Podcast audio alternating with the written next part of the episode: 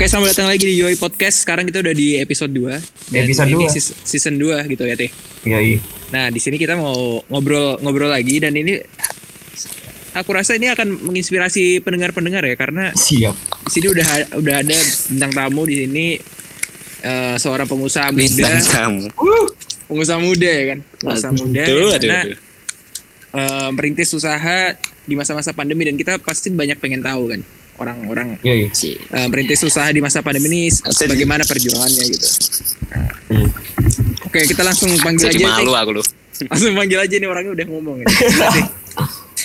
Ada Aldi. Aldi Moko, Aldi Moko. Kebelet ya aku nih. Aldi Halo. Pak Kaps, Widi. Oke oke. Nah Halo semua. bisa disa- nyapa-nyapa dulu kayaknya Aldi nih. Oke oke. Halo semua para pendengar Spotify dari Mas Irot sama Mas Fatih. Di sini aku diundang nih, diundang dalam eh, podcast yang bentar lagi akan besar nih kan ya. Jadi Amin, numpang lah di sini lah. Jadi eh, silahkan enjoy menikmati apa yang ada di podcast ini. Semoga bisa bermanfaat bagi kita semua gitu. Ya udah. Ini maksudnya kan kita juga ngobrol-ngobrol santai aja. Nah ini Mm-mm. mau kasih fun fact dikit ini kan Aldi ini kan ini kan di dari perpajakan ya kan. Iya, ada berpajakan. Nah itu kok bisa itu loh. Kok bisa tiba-tiba ingin usaha itu? Gimana Nah, ceritanya? ini ini nganu aja ya, fake aja ya. Jadi aku tuh sebelumnya emang eh, dulu waktu SMA itu tuh aku ah ngebut banget pengen masuk stand pajak ya. Itu ngebut banget pokoknya bener-bener kayak wah ini cita-citaku gitu. Masuk eh, perpajakan di stand, udah tuh udah ikut les sana sini, udah belajar dan lain-lain bener-bener kayak wah belajar ambis itu buat stand lah stand nomor satu pokoknya. Nah terus akhirnya waktu daftar udah lolos tuh tahap pertama, terus ke tahap kedua kan ada tiga tahap, terus ke tahap ketiga itu Iya. lolos itu tes CPNS tuh bro. Wah bener-bener wah sebagiannya kayak apa sih? Kayak wah cita-cita mau ini deh mau apa namanya dapat gitu kan. Nah ternyata waktu perankingan itu kan tes CPNS tuh TKD waktu perankingan tuh lolos. Wuh, langsung celebrate lah kita ya kan? Hmm. lolos nih kayak ternyata waktu perankingan jurusan itu tuh aku ngambil yang paling tinggi.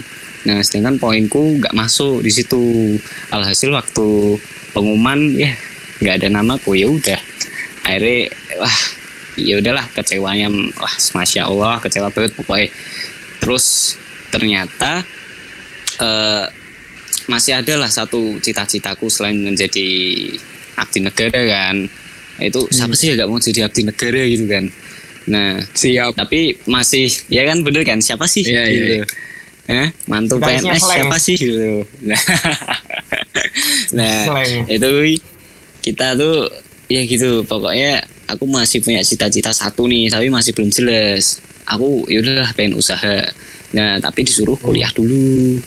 Nah itu kan waktu stan kuliah itu wah udah SBM nggak nggak keterima. UM yang S1 nggak daftar tuh aku. Karena kan masih masa tes stan. Ya pede-pede aja lah di stan gitu kan. Nah terus eh ternyata nggak lolos. Yang cuma buka UM D3 Undip itu.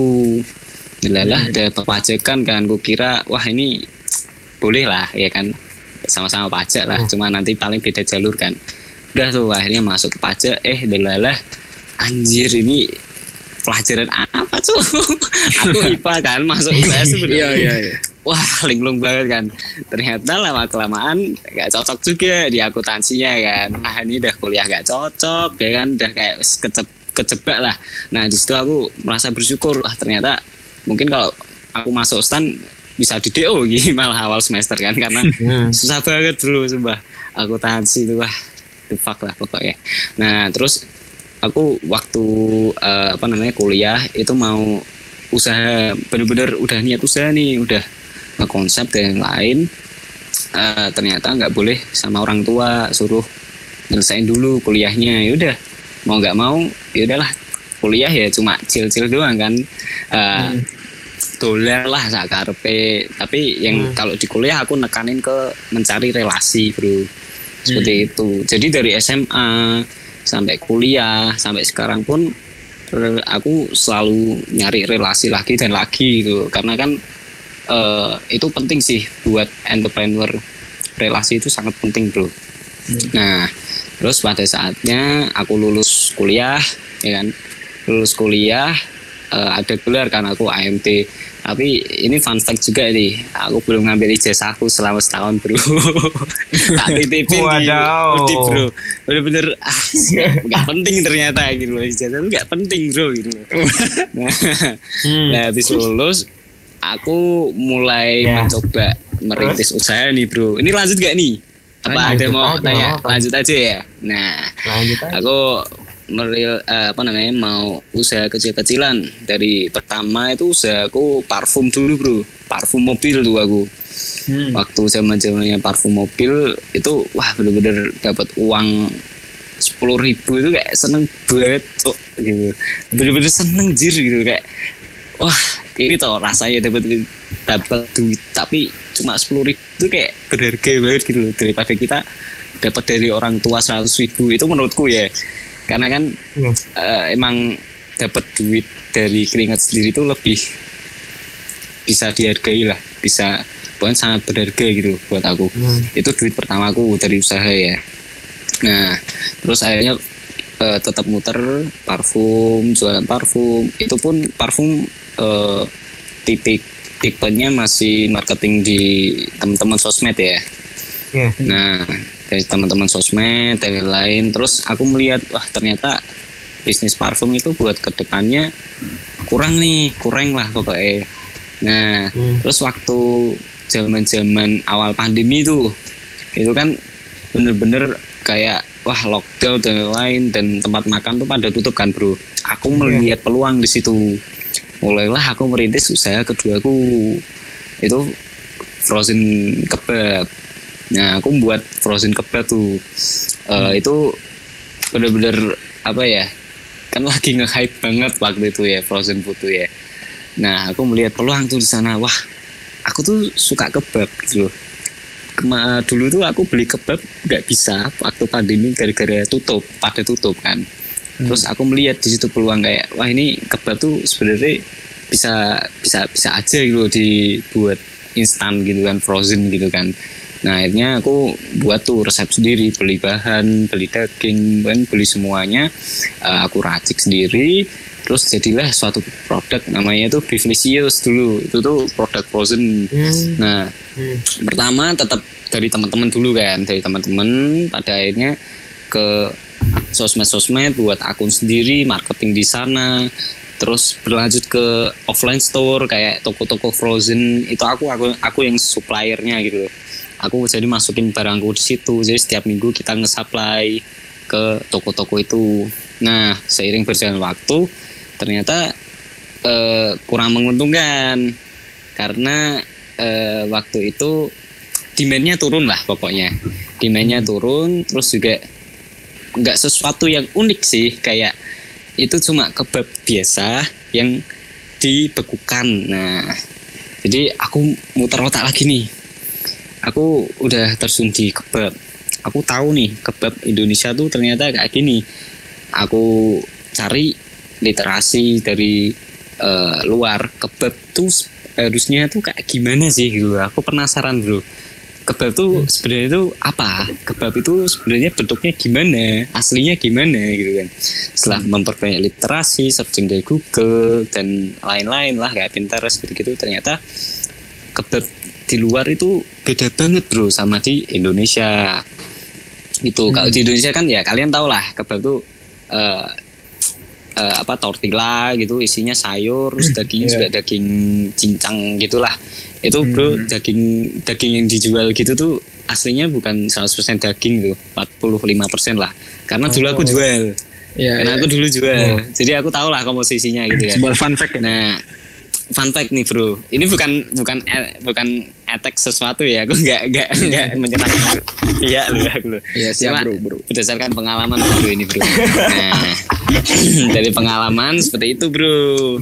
Terus aku melihat ternyata di Indonesia itu eh, kebabnya kok kurang ya gitu. Wah ini kebab Timur Tengah ini harusnya kalau di Indonesia sangat menonjol nih yuk aku melihat peluang di situ. Aku bikin kebab khas Timur Tengah aku kawinkan dengan tes Indonesia lidah Indonesia. Terus jadilah sekarang origins kebab itu. Nah origins kebab ini awalnya aku tuh ya eksperimen lah bro. Nyoba nyoba. Jadi bedanya origins sama kebab yang di Indonesia. Itu tuh dari kulit. Dari kulit itu kita pakai roti bro. Hmm. roti namanya ya. lavas bread. Beda. Kalau yang di Indonesia biasanya pakai roti lah. Itu malah lebih kayak tacos gitu kayak taco gitu. Nah kalau eh, yang timur tengah itu pakai roti. Terus dagingnya juga kita daging grill ya bukan olahan maksudnya bukan yang kayak cincang dan lain bener-bener pure daging kayak stick gitu. Terus sama ada saus spesial lah dari lain nah itu awal jual eh, aku tuh di pinggir jalan nih. Ini apa namanya awal mula origins ya perjuangan ya. Iya, iya. Silakan, Bro. jadi suatu saat aku tuh ingin nyoba jual di pinggir jalan gitu. Eh delalah ada temanku itu jualan soto sih bapak ya di Bayu Manik pokoknya. Nah itu tuh kalau jualan tuh dari pagi sampai sore. Nah sedangkan sore sampai malam tuh eh, dia kan punya parkiran tuh di pinggir jalan. Itu kan nggak kepake. Akhirnya aku nembung eh, terus boleh tuh jualan dari sore sampai malam. Nah aku tuh jualan di situ selama kurang lebih 3 sampai 4 bulan lah di situ itu bener-bener wah ngerasain kerasnya kerasnya nyari uang bro di situ bro. Bener-bener awal jualan oke lah kalau grand opening kan ya kerabat dan lain datang lah. Itu jualan di pinggir jalan tuh eh, modelnya aku tendaan tenda terus meja dua sama kompor kebab sama kompor roti itu itu semuanya benar-benar bawa dari rumah sendiri bro. Kecuali tenda sih tenda kan susah ya. Tapi yang lain tuh benar-benar bawa dari rumah. Jadi setiap hari itu aku usang usung gitu. Bolak balik bawa barang dari rumah ke tempat itu. Ya rumahku untungnya nggak nggak terlalu jauh lah. Kira-kira ya dua kilometer lah dari tempat lokasi itu. Nah itu wah bener-bener udah jualan baik jualan awal jualan tuh udah ngerasa capek bro. Gara-gara usang usung gitu kan. Itu belum jualannya gitu loh. Nah terus eh, selama satu bulan pertama itu bener-bener anjir.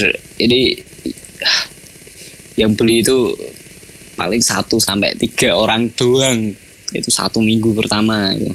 gila bener-bener. Wah ini apa nggak nggak nggak usah jualan aja gitu kan mikirnya kan kayak Iya, iya. Kok lakunya satu sampai tiga doang gitu kan.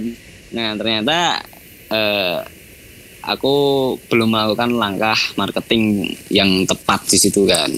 Akhirnya aku ngiklan ngiklan via Instagram ads dan lain dan masang MMT gitu kan di jalan-jalan gitu kan. Nah itu mulai minggu kedua langsung naik. Itu kira-kira ya per hari itu bisa habis langsung nih bro. Langsung habis 20 sampai 25 kebab per harinya. Hmm. itu mulai minggu kedua. Akhirnya pada minggu ketiga dan minggu keempat stabil nah terus bulan kedua kita eh, turun tuh jadi bener-bener usaha itu bener-bener apa ya fluid apa Dinamis. namanya ya dinamis, Dinamis. pokoknya naik Iya. turun lah bro bener-bener wah nggak bisa dijagain gitu sebenarnya usaha Kayak kurva Makanya- COVID ini lah ya. ya Siap, siap. Covid lagi bro Lanjut, sekarang lanjut, pun lanjut. masalahnya covid bro Siap. oke oke lanjut ya. diam-diam aja, diam-diam aja. Fuck covid. nah terus eh, mulai bulan kedua itu turun. Jadi bener-bener ngerasain ternyata usaha itu gak sepenuhnya stabil gitu kan, kayak kayak PNS C. nah, PNS beda lah bro.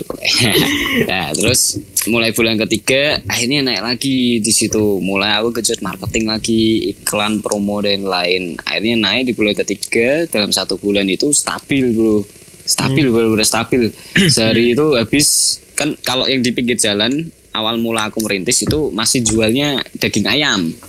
Oh, Nah, Oh. mungkin ya emang minatnya sedikit ya karena ayam kan karena Hmm. orang-orang kan mi- eh, biasanya kebab itu daging sapi gitu kan. Ya. Nah ini ini sorry nih aku telat ngasih tahu kalau eh, awal mula aku jualan tuh masih ayam karena terbatas sama harga di situ. Karena kalau pakai daging sapi mahal bro sapi beneran tuh sekilo aja 120 130 lebih gitu kan. Hmm. Kalau ayam nih sekilo masih ya ekonomis lah 35 gitu kan masih bisa dijual harga murah per kebabnya gitu kan. Ya. Nah, mulai bulan keempat, jadi mulai bulan ketiga sampai bulan keempat itu benar-benar stabil bro, benar-benar stabil. Aku dapat eh, istilahnya portofolio lah di situ lah. Kalau ah usahaku ini udah mulai stabil nih, masih bisa tingkat lanjut nih kan. Nah, aku punya proyek di situ benar-benar kayak aku nggak mau stuck di sini aja gitu kan. Aku ma- harus maju gitu, harus berani melangkah di saat eh, pandemi kayak gini kan. Ya sebenarnya resiko tinggi bro di situ bro. Ya tau lah pandemi kan kayak eh, orang nyari uang pun juga banyak yang susah gitu kan kecuali PNS nah terus Bingung terus nih kayaknya nih. Kayaknya dendam apa gimana ini? dendam bro gak masuk gak masuk stand bro nah, terus aku ada proyek tuh. Ada proyek bro di situ. Aku mau ngembangin usahaku ekspansi dengan bentuk outlet. Tapi dengan catatan di sini wah aku nggak punya modal nih ya kan? Aku nggak punya modal juga aku nggak mau minta dari orang tua di situ. Jadi aku muter otak. Muter otak salah satu hal yang aku lakukan pertama jual motor ya kan? Tahu nggak Oh. motor Sonic balap eh? Udah udah punya anu nih apa Jual namanya udah motor, punya motor. orang baru iya motor Sonic ya itu tak jual tak jual buat biaya usaha Sampai Nah, masih ya. kurang nih. Keren-keren. Iya bro, bener-bener harus gitu loh. Harus melangkah, jadi kayak semua nekat kan dijualin gitu kan. Dari motor, terus adalah pokoknya. Hmm. Nah, ternyata eh masih kurang banyak nih, ya kan. Muter otak nih. Aku terus dapat jalan itu dari nyari investor aku. Nah, investor ini modelnya juga kita saham, Bro. Jadi menurutku ini sistem Hmm. yang aman bagi kedua belah pihak ya karena sistemnya saham di sini. Jadi aku muterin uang mereka, aku juga eh, bisa jalan usahaku, mereka juga dapat dividen di situ keuntungan setiap bulannya. Jadi sama-sama menguntungkan sebenarnya. Nah, Hmm.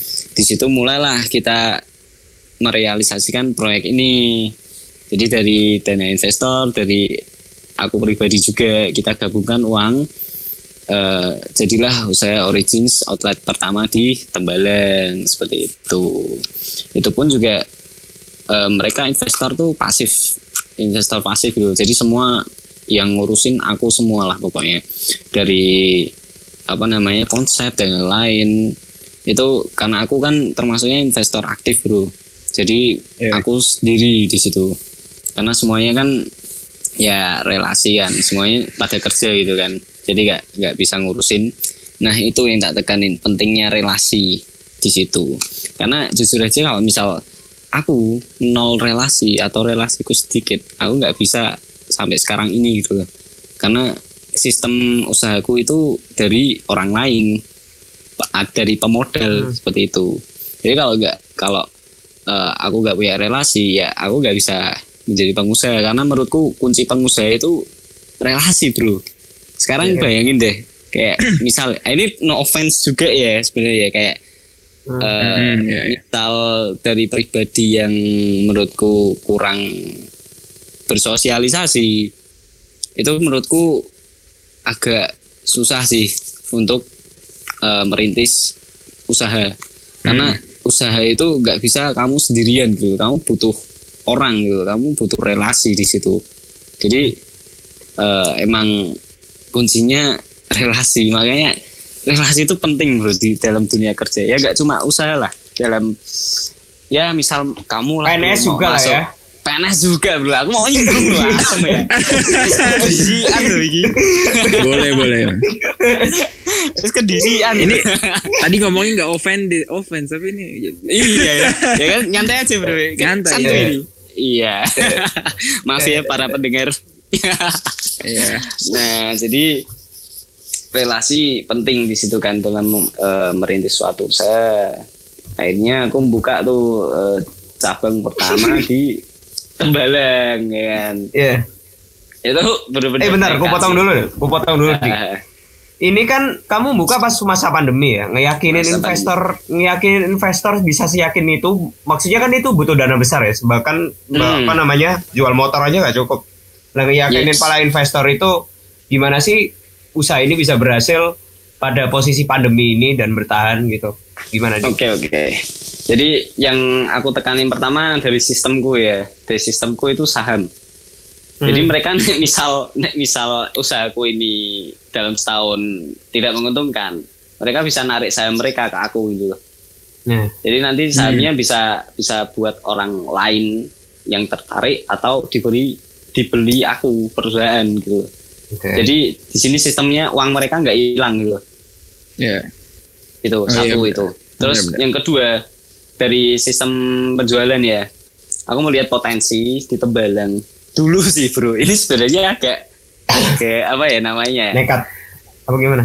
Eh, gini agak apa ya melenceng nih sebenarnya nih karena kan Hmm. dulu bulan Januari itu kan ada info kalau mahasiswa tuh masuk nih udah ya pandemi cuma Oh, ada iya, info iya. masuk oke, kuliah oke, kan oke. kuliah online ya eh apa offline lah semi semi offline gitulah nanti dibatasin Iya. dari lain nah di situ aku melihat kayak wah ini mahasiswa udah mulai masuk nih kayak eh, cuan kan bakalan kalau mahasiswa masuk Iya. udah keben udah buat udah bayar eh, ruko dan lain udah buat eh, toko lah pokoknya udah jadi eh ada pengumuman mahasiswa nggak gagal masuk gara-gara covid ternyata makin tinggi. Wah itu bener-bener anjir kan.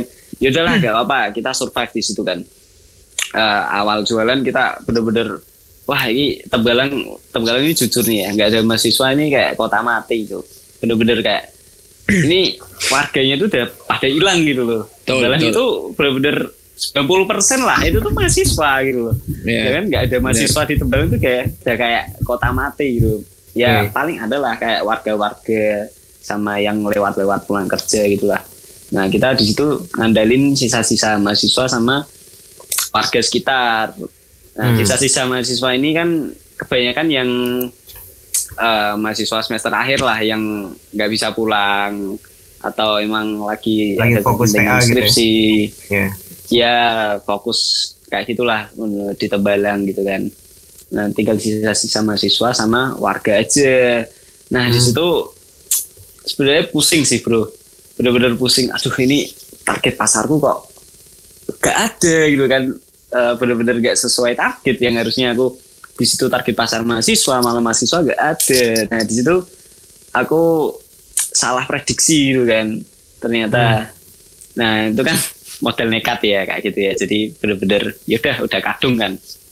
Nah akhirnya aku muter otak nih gimana caranya aku survive. Eh benar-benar. Tadi kan nanya meyakini investor kok ya. Oke. Nah dari investor tuh aku yakinin bahwa ini loh mereka tuh eh, tak kenalkan produkku. Produkku tuh seperti ini gitu kan. Terus di Semarang itu produk Hmm. kebab kayak aku tuh nggak ada, cuma aku tok. Jadi di sini eh, untuk potensi besarnya tuh ada karena unik dari yang lain kebabnya gitu. Istilahnya punya masa depan lah. Nah, terus juga mereka aku yakinin dengan cita rasa kan. Mereka para investor udah pernah nyoba dan mereka agree di situ, setuju bahwa produk ini tuh emang beda dari yang lain gitu. Jadi investor tuh selain melihat eh, potensi potensi eh, potensiku, mereka juga melihat potensi dari produk Origins ini. Ternyata eh, ke depan itu bisa lah untuk eh, melawan ya melawan pasar lah istilahnya lah Bersaing lah ya. kayak gitu ya bisa melawan pesaing lah akhirnya para investor yakin terus juga aku buatin kayak perhitungan lah dari hitungan juga masuk gitu kan untuk Hmm. penjualannya per bulan akhirnya mereka sepakat ya udah akhirnya jadilah origin seperti itu Hmm. Gitu Oke. Nah ini sebenarnya cukup menarik di mana se- sebelumnya mungkin saya aku ini dulu ya kayak Saya, saya. saya banget Saya nih, bro. Saya banget nih, bro. vibesnya PNS banget nih bang gimana? Beres banget. Enggak, aku, aku kan mau ngasih penjelasan dulu ke pendengar. Tadi kan tadi Aldi nyebut Tembalang dan segala macam. Jadi Tembalang ini suatu daerah di kota Semarang ya, di kota Semarang Jawa Tengah. Oke. Di mana di situ eh, emang eh, tempatnya Undip, Polines, Polines Ya. ya? Iya kan ya? Polines, Poltekkes, Ya. Nah, itulah. Jadi banyak lah. jadi itu jadi untuk ngegambarin pendengar. Nah, sebenarnya pertanyaan yang mau kuajuin itu adalah eh di tahun kedua ma- masih ada ini nggak kayak bukan tahun Belum kedua tahun sih. kedua ini, Bang. Bukan tahun Ini kedua. baru tahun pertama nih. Enggak, yang yang waktu Siklus apa namanya? bukan bukan Apa? apa sih? Dulu pas mau eh, merintis usaha itu kan artinya kan eh, ada pikiran untuk jadi PNS lagi ya. Hmm, udah nggak bisa bro. Oh, nggak bisa. ya ini jujur ya, Kenapa bisa? jujur ya, karena aku udah dendam banget kan kayak ah aku ditolak berkali-kali gitu kan. Hmm. Iya, kan stan aku daftar dua kali, eh ditolak kan. Jadi bener eh, di titik itu kayak ah anjir lah PNS gitu. Aku wis, aku udah gak mau lah gitu kan kayak. Ya wis lah gitu. Wis ditolak grup dua kali, ya ya piye gitu kan. Oh. Akhirnya Jadi ya, emang dari dirimu sendiri. ya? malahan. Dari, Dari- diri sendiri. Oke, oke. Nah, terus Ya karena kecewa kan. Nah ini kan, nah ini ada transisi di mana akhirnya menjadi pengen jadi pengusaha tuh. Nah di situ Betul. gimana? Maksudnya kan kayak bahkan tadi kayak eh, istilahnya dukungan keluarga sih. Ini kan kita nggak tahu nih mungkin beberapa orang yang mau bikin usaha itu Hmm. ada yang nggak tahu gimana reaksi keluarga ketika kita tiba-tiba pengen bikin usaha dibandingkan bekerja di orang gitu. Nah itu bisa ceritain dikit nggak kira-kira? Oke, sebenarnya kontra banget sih. Bener-bener kontra sih ya keluarga ya. Karena Oke. kan ya tau lah kayak ah pengusaha itu nggak bisa diandelin lah gitu loh. Karena sebenarnya pengusaha itu kurang jelas gitu kan. Oke. Kalau sukses baru jelas, ya gak? Oke. Ya. Bener loh ini. Kalau sukses baru jelas, baru kelihatan gitu kan. Hmm. Apa yang didapat, apa yang ya pokoknya penghasilannya jelas kan. Sedangkan untuk merintis itu emang nggak jelas kan pengusaha itu. Ya namanya merintis kan. Nah itu buat yakinin orang tua itu emang sangat susah ya di sini ya, bukan sedikit susah ya. Karena orang tua pengennya eh, aku sebagai anak itu kerja yang tetap lah. Kan semua Hmm. ya mungkin pemikiran orang tua umumnya seperti itu ya pengen anak dapat gaji tetap ya kan hidupnya Menjurus lagi ya, ya? monoton lah Menjurus kan. lagi. Kan? Jurus lagi. Pip, sensor ya Eh, ya pokoknya kan Ini kayaknya panas nih, panas. monoton Panjangannya panas ya kan? panas panas nah Lanjut, lanjut, lanjut. terus akhirnya di situ kontra kayak ah kamu mau jadi apa? Gitu. Pengusaha besok tuh kamu mau makanin anak orang apa? Gitu kan. Nah di situ bener-bener kayak Hmm. aku berusaha meyakinin banget kalau eh, aku tuh bisa gitu. Aku tuh punya jiwa di pengusaha gitu loh. Jadi kayak nggak ada salahnya buat mencoba eh, merintis saat masih muda gitu kan kayak sebenarnya apa yang kita lakukan itu pasti ada hasilnya gitu kalau kita benar-benar melakukannya dengan sungguh-sungguh gitu kan. Nah ini di situ eh, orang tua juga ya ikhlas gak ikhlas sih untuk melepasku untuk membiarkanku merintis kan. Tapi aku benar-benar melihat memperlihatkan bahwa aku tuh benar serius di sini benar-benar nggak main-main gitu kan. Ini buat eh, apa namanya masa depanku juga gitu kan buat karirku gitu kan. Eh, terus juga gak ada salahnya aku juga masih muda. Kalau misal gagal ya aku bisa nyoba banyak cara gitu kan. Kan benar-benar definisi seribu apa seribu jalan ke Cina apa apa itulah. Itu benar-benar ada gitu loh. Jadi nek misal aku gagal di usaha ya udah aku nurut. Aku akan kerja di suatu perusahaan atau daftar panas lagi gitu kan. Nah terus Siap. akhirnya orang tua. Akhirnya orang tua setuju di situ membiarkan aku merintis. Dari bener-bener dari nol. Aku nol modal bener-bener awal jualan yang di pinggir jalan tuh semua dari uang tabunganku. Hmm. jadi nggak nggak ada sangkut paut orang tua sama sekali. Itu benar-benar nol dari tabunganku semasa kuliah. Aku buat bisnis di pinggir jalan Hmm. terus juga expand itu juga benar-benar dari eh, orang-orang ya. Benar-benar ya mungkin kalau motor kan dibeliin orang tua. Cuma aku izin jual buat usaha gitu kan. Jadi ya adalah sedikit sedikit eh, apa namanya dari orang tua ya dari bentuk motor itu. Nah terus yang lainnya benar-benar aku nyari gimana caranya uang ini terkumpul gitu tanpa merepotkan orang tua Hmm. dari investor itu makanya nah terus yaudah seperti itu bro Eh, tapi kan ini yang di Tembalang tuh baru enam bulan ya, di apa enam bulan? delapan betul bulan? baru enam bulan Iya, baru enam bulan Januarian mungkin ya. ya betul betul Nah, ini kan Februari, kalau nggak sa- kemarin kan baru Hmm. opening kan di mana Gajah Mada ya? Outlet kedua ya? Eh, Gajah Raya Gajah Raya. bawah betul Nah, Ini- itu itu kenapa padahal kan baru enam bulan tuh settle yang di Hmm. atas Tembalang. Mm-mm. Kenapa kok sa- kamu sampai berani buka apa namanya? eh, Cabang baru. Iya, cabang baru gitu loh. Apalagi kan Oke, pada posisi pandemi ini juga.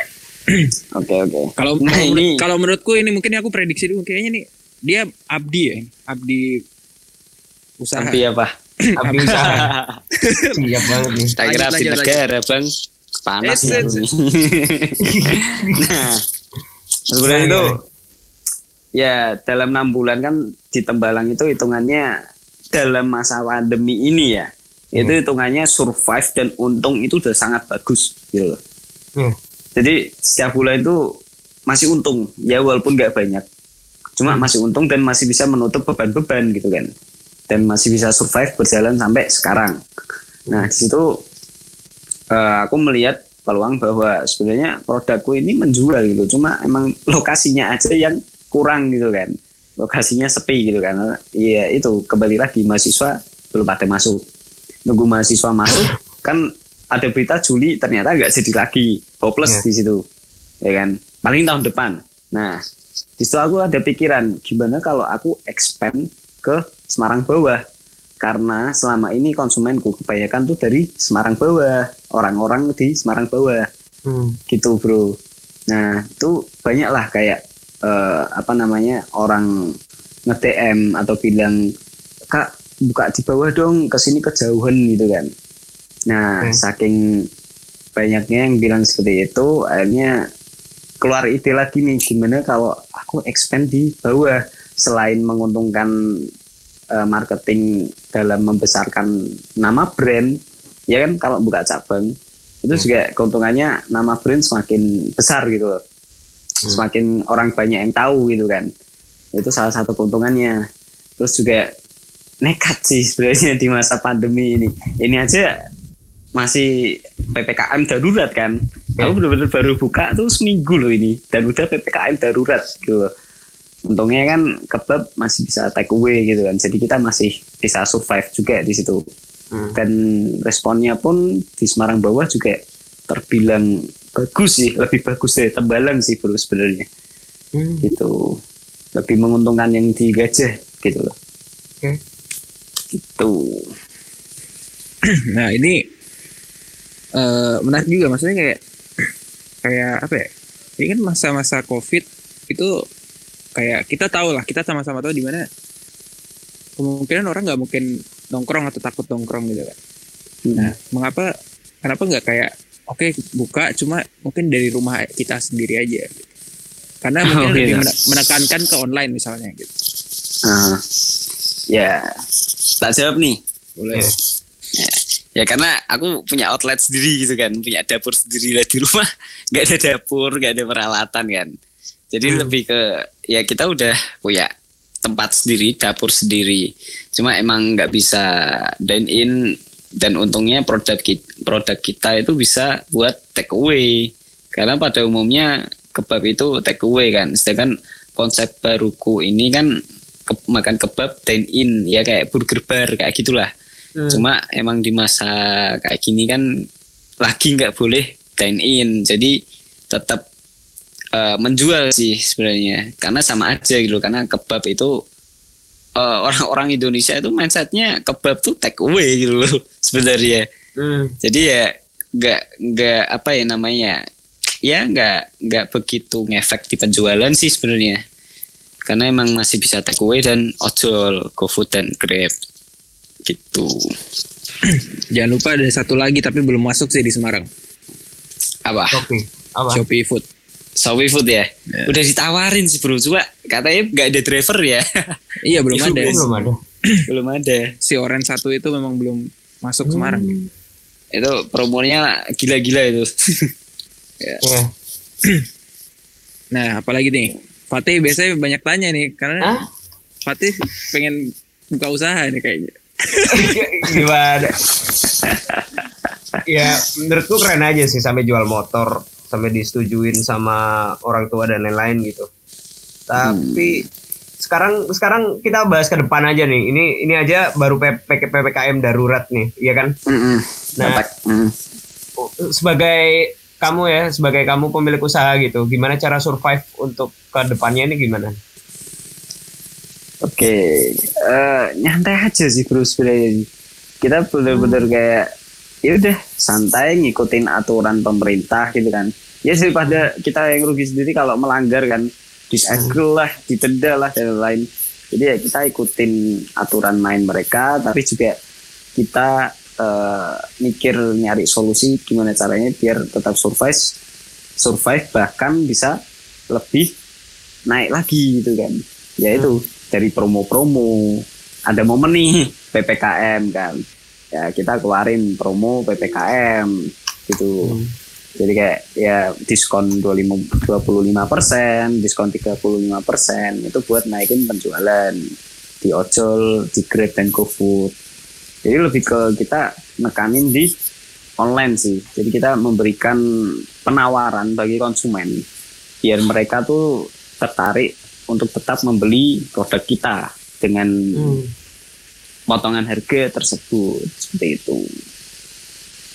Nyantai aja sih sebenarnya kayak ya aku sebenarnya malah kasihan kayak yang tempat-tempat yang harus dine in gitu kan kayak coffee shop kayak gitu tuh kasihan sih Iya, iya, masa ppkm itu Benar. benar-benar nggak bisa operasi Nah, misal misalnya nih kayak misalnya aku sama Fatih ini kan apa ya kayak misalnya sesama pengusaha pasti nantinya kayak saling kita sama tahu sama tahu gitu kan. Kamu sama misalnya Yes. pengusaha sebelah kamu gitu. Itu kan Mhm. tahu perasaannya gimana dan segala macamnya. nah, apakah ketika misalnya aku sama Fatih nih mau jualan nih, jualan saya nggak Hmm. mau. Gitu. Ini baru banget nih. Nah, kira-kira kamu mau beli apa ya udah kayak di masa pandemi ini pengusaha-pengusaha ini tetap maksudnya tetap berkompetisi kah atau sebenarnya juga mereka ada rasa saling ingin membantu dan segala macamnya. itu sih. Kita tetap ada rasa ingin saling membantu ya karena kita sama-sama tahu kan eh, di kondisi kayak gitu tuh emang susah gitu untuk mencari uang gitu kan. Jadi ya kita sama-sama membantu. Tapi juga siapa tahu kita bisa collab gitu kan bro. Nah siapa tahu kan kebab isi bakpao kebab touring bakpao gitu kan ya lebih ke membantu sih bener-bener ya kita tuh Oh, iya. harusnya BTW sebenarnya tadi sebenarnya itu tadi cuma ilustrasi. Sebenarnya aku sama Fatih ini mau bikin peternakan lele. Mungkin lele kebab lele bisa kali ya? Gimana sih? gimana nih mau langsung collab nih eh Belum ada ikannya Fatih. Kita bahas di luar aja ya, kita bahas di luar aja. cupang ya boleh cupang Hmm, cupang, eh. Cupang, Bro. Wader, wader. wader Nah, nah, nah, maksudnya juga pernah kepikiran juga nggak sih, maksudnya apakah orang yang kayak kan ada kan teman-teman kita yang misalnya yang usaha dan juga kerja te- tepat apa tetap gitu misalnya. Mm-mm. Mm-mm. Nah, itu menurut pandanganmu gimana kayak kayak gitu? Kalau yang kayak gitu. maksudnya gimana nih Jadi ada yang kerja tetap, Ah, tapi dia juga bikin usaha sampingan misalnya.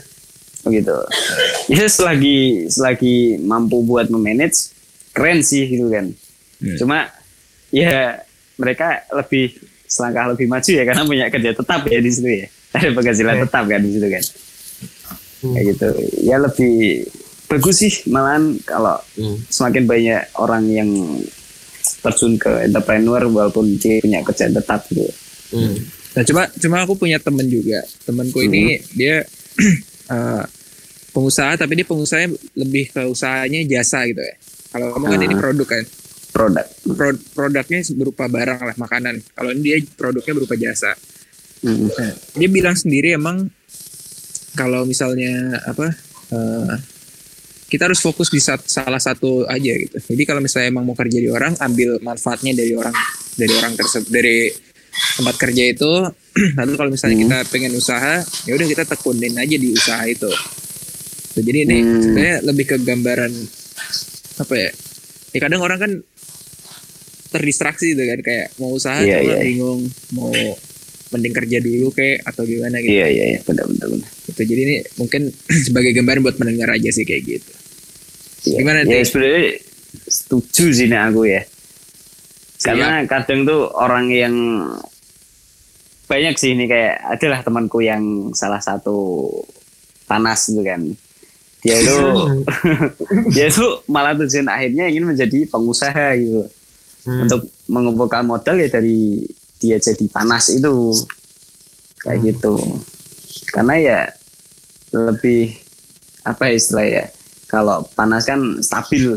Cuma kalau pengusaha bisa lebih gitu kan mungkin penghasilannya Iya. ya itu insight banyak orang seperti itu sih Ya sebenarnya sebenarnya cuma pengambilan resiko aja sih kali Iya. gimana ya. Kalau ya, kalau kalau mau jadi panas ya resikonya lebih kecil gitu aja sih. ya main aman bro Mm-mm. Gitu Siap. sih. Nah, ngomongin resiko nih, ngomongin resiko. Mhm. Nah, kan kan pasti ada pesaing kan ya. Pa- pasti ada Aha. pesaing dari kebab-kebab kebab-kebab yang lain. Kabarnya itu ada yang main kotor di luar tuh. iya Nah, Kok itu tahu, kamu cara ngadepinnya tuh gimana ya? tahlilan deh eh kata pengajian lah ya gitu lah pokoknya Eh, oh, jadi baru, pernah baru ngerti aku, baru ngerti ya. hmm, ini ini apa ya namanya? Horror fact apa apa ini namanya? Klinik, klinik, klinik, klinik, klinik, klinik, Iya klinik ya. Klinik, klinik. nah itu suatu ketika ya suatu saat tuh ada sih oh, malam-malam itu kan. Aku tuh nemuin kayak tanah tanah gitu gitu kan. Nggak wajar lah ini tanah kok bisa sampai sini gitu kan. Hmm. itu dalam dalam tong sih dalam tong yang ada di depan pintu origin sih di Tembalang gitu kan. Hmm. aku lihat pertama sih pertamanya aku nggak ngeh ya. Karena belakangan itu tuh kayak pelanggan itu mampir udah parkir nih di depan. Udah turun bro. Terus gak jadi gitu kan. Udah ngeliat gitu kan. Terus gak jadi pergi. Kalau nggak pergi ya ke ke bab selanjutnya lah yang sekitar itulah. Nah itu tuh nggak satu kali dua kali terus ada kayak pelanggan tetap lah pelanggan yang sering beli lah. Itu Hmm. sampai DM origin kak kok tutup terus? Kenapa? Gitu kan. Ya ini aku nggak percaya sebenarnya kan kayak gitu bener-bener. Ah alah paling eh, apa namanya lagi sholat atau apa gitu waktu karyawan lagi sholat dan lain-lain. Tapi sebenarnya origin tuh walaupun karyawan lagi sholat nggak pernah tutup gitu loh. Iya. Karena masih ada satu yang jaga gitu kan. Ya. nah di situ mulai banyak lah orang-orang yang bilang kalau kok origins eh, kayak gak ada kehidupan ya di dalamnya gitu kayak gak ada jual gitu kan. Padahal benar-benar buka gitu kan sebenarnya gitu. Nah mulai di situ aku telusurin kan wah ini kok kayak ada yang jegel gitu kan. Aku telusurin aku cari tuh di depan. Ternyata nggak ada apa-apa di depan. Eh ada tuh bekas tong cuci tangan. Karena nggak pernah dipakai. Karena orang kalau ke origins tuh nggak pernah cuci tangan gitu loh. Dan disediain nggak Yeah. pernah cuci tangan gitu kan. Ya pada bodo amat gitu kan. Terus pada akhirnya taruh di pintu origins. Nah aku buka tuh. Udah lama tuh. Nggak udah lama nggak digunain. Alias kosong kan. Harusnya kosong ya harusnya. Aku buka lah kok ada tanah tanah apa nih kan? Nggak gitu kan? Ternyata eh, aku foto kan itu. Aku foto terus aku tanya ke orang ranking satu. Tahu gak ranking satu. Ya orang pinter lah gitu kan. Oh, orang pinter nih. Orang ranking satu ini aku tanya "Eh, ini apa? Gitu kan. Terus eh, orang ranking satunya ini bilang wah ini kamu dikerjain gitu loh. Lah dikerjain apa ya ini kamu nemunya di mana gitu kan. Di depan toko. Oh ya jelas. Ini jadi kamu dapat kiriman tokomu dibuat seolah-olah tutup. Kayak gitu. Nggak percaya nih aku nih. Nggak percaya. Aku tanya ke orang ranking satu lainnya. Jadi ada orang pintar lainnya gitu kan. Buat memvalidasi bro. Kayaknya Karena- Aldi ini banyak istilah kayaknya. Nah, orang pintar satunya aku tanya ternyata jawabannya sama. Ya udah, jadi bener-bener wah ini dapat apa ya gangguan goib gitu gak bisa dilawan gitu kan. Bener-bener anjir gitu kok tega banget gitu. Ternyata dunia FNB itu sekeras ini gitu loh. ya. Main-main goib gitu kan. Kayak gitu. Terus akhirnya ya caranya nebar garam yang didoain gitu lah air doain terus taruh di apa dicipratin di sisi-sisi toko gitu kan. Terus ya nggak tahu udah hilang apa belum.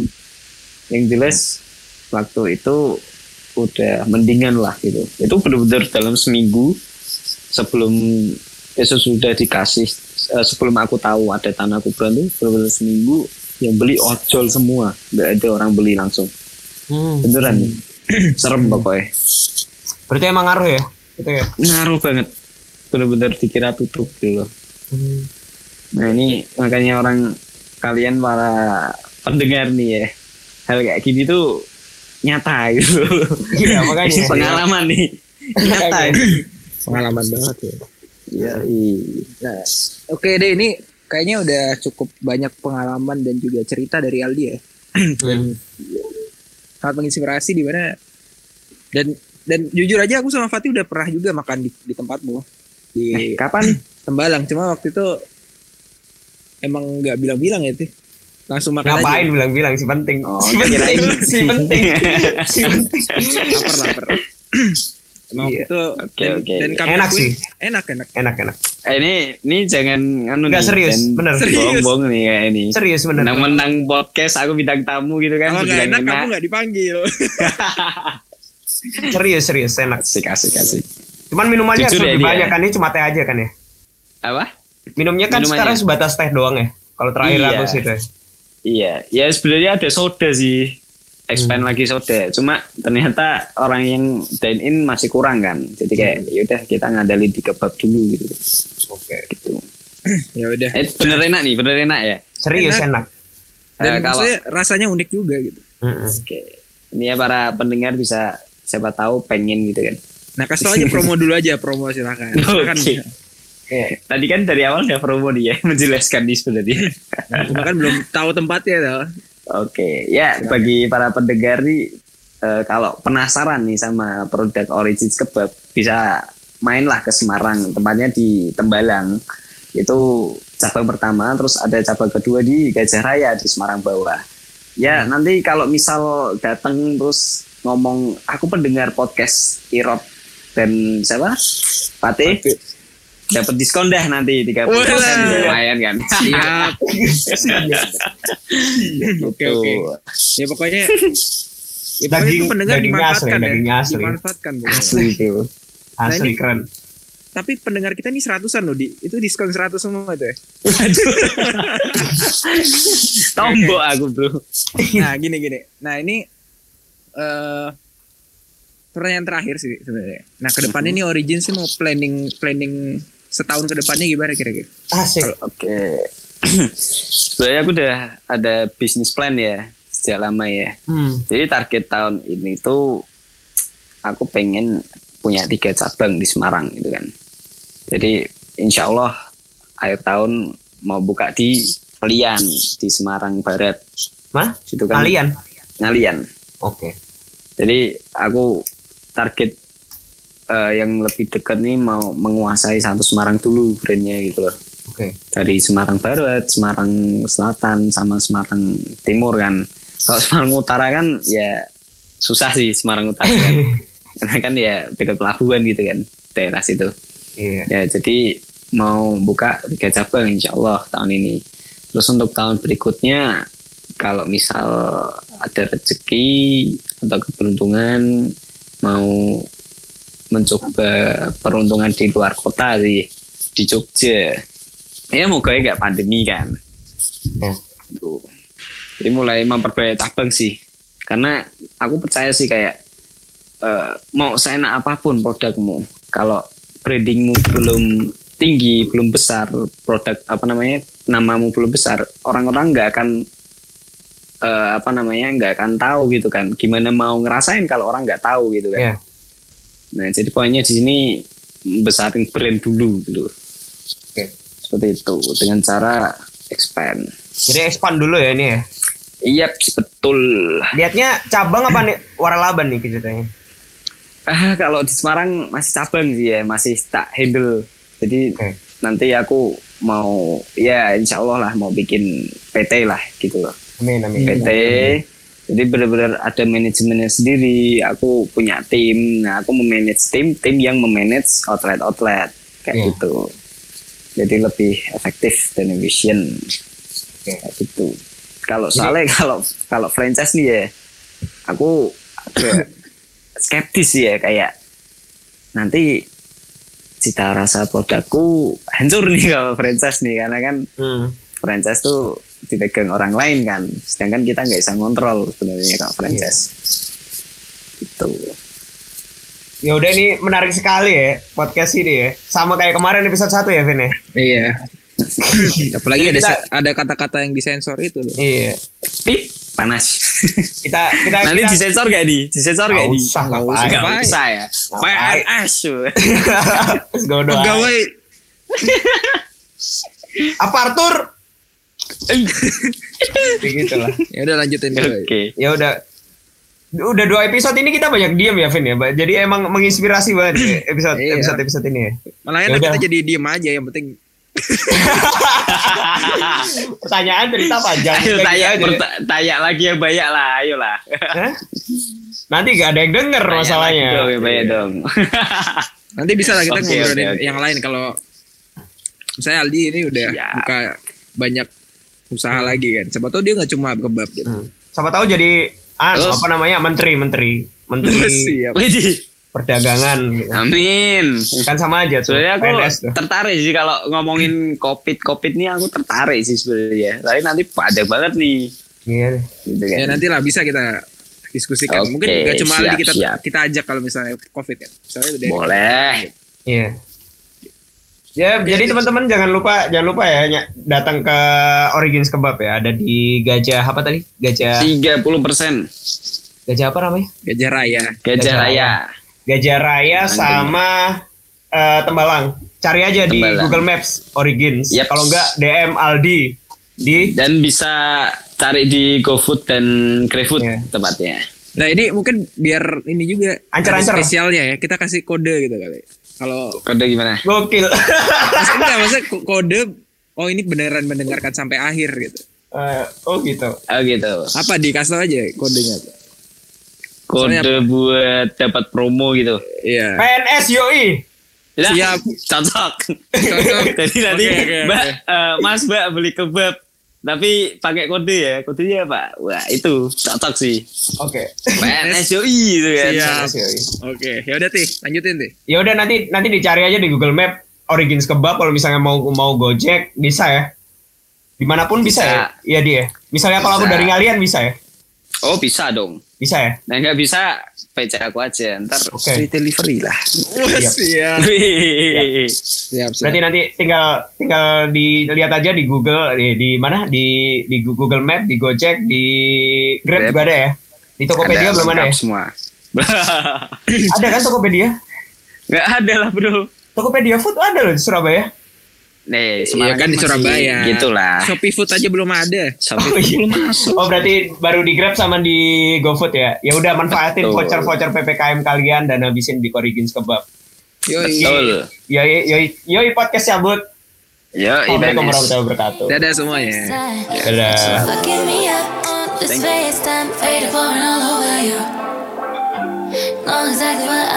you.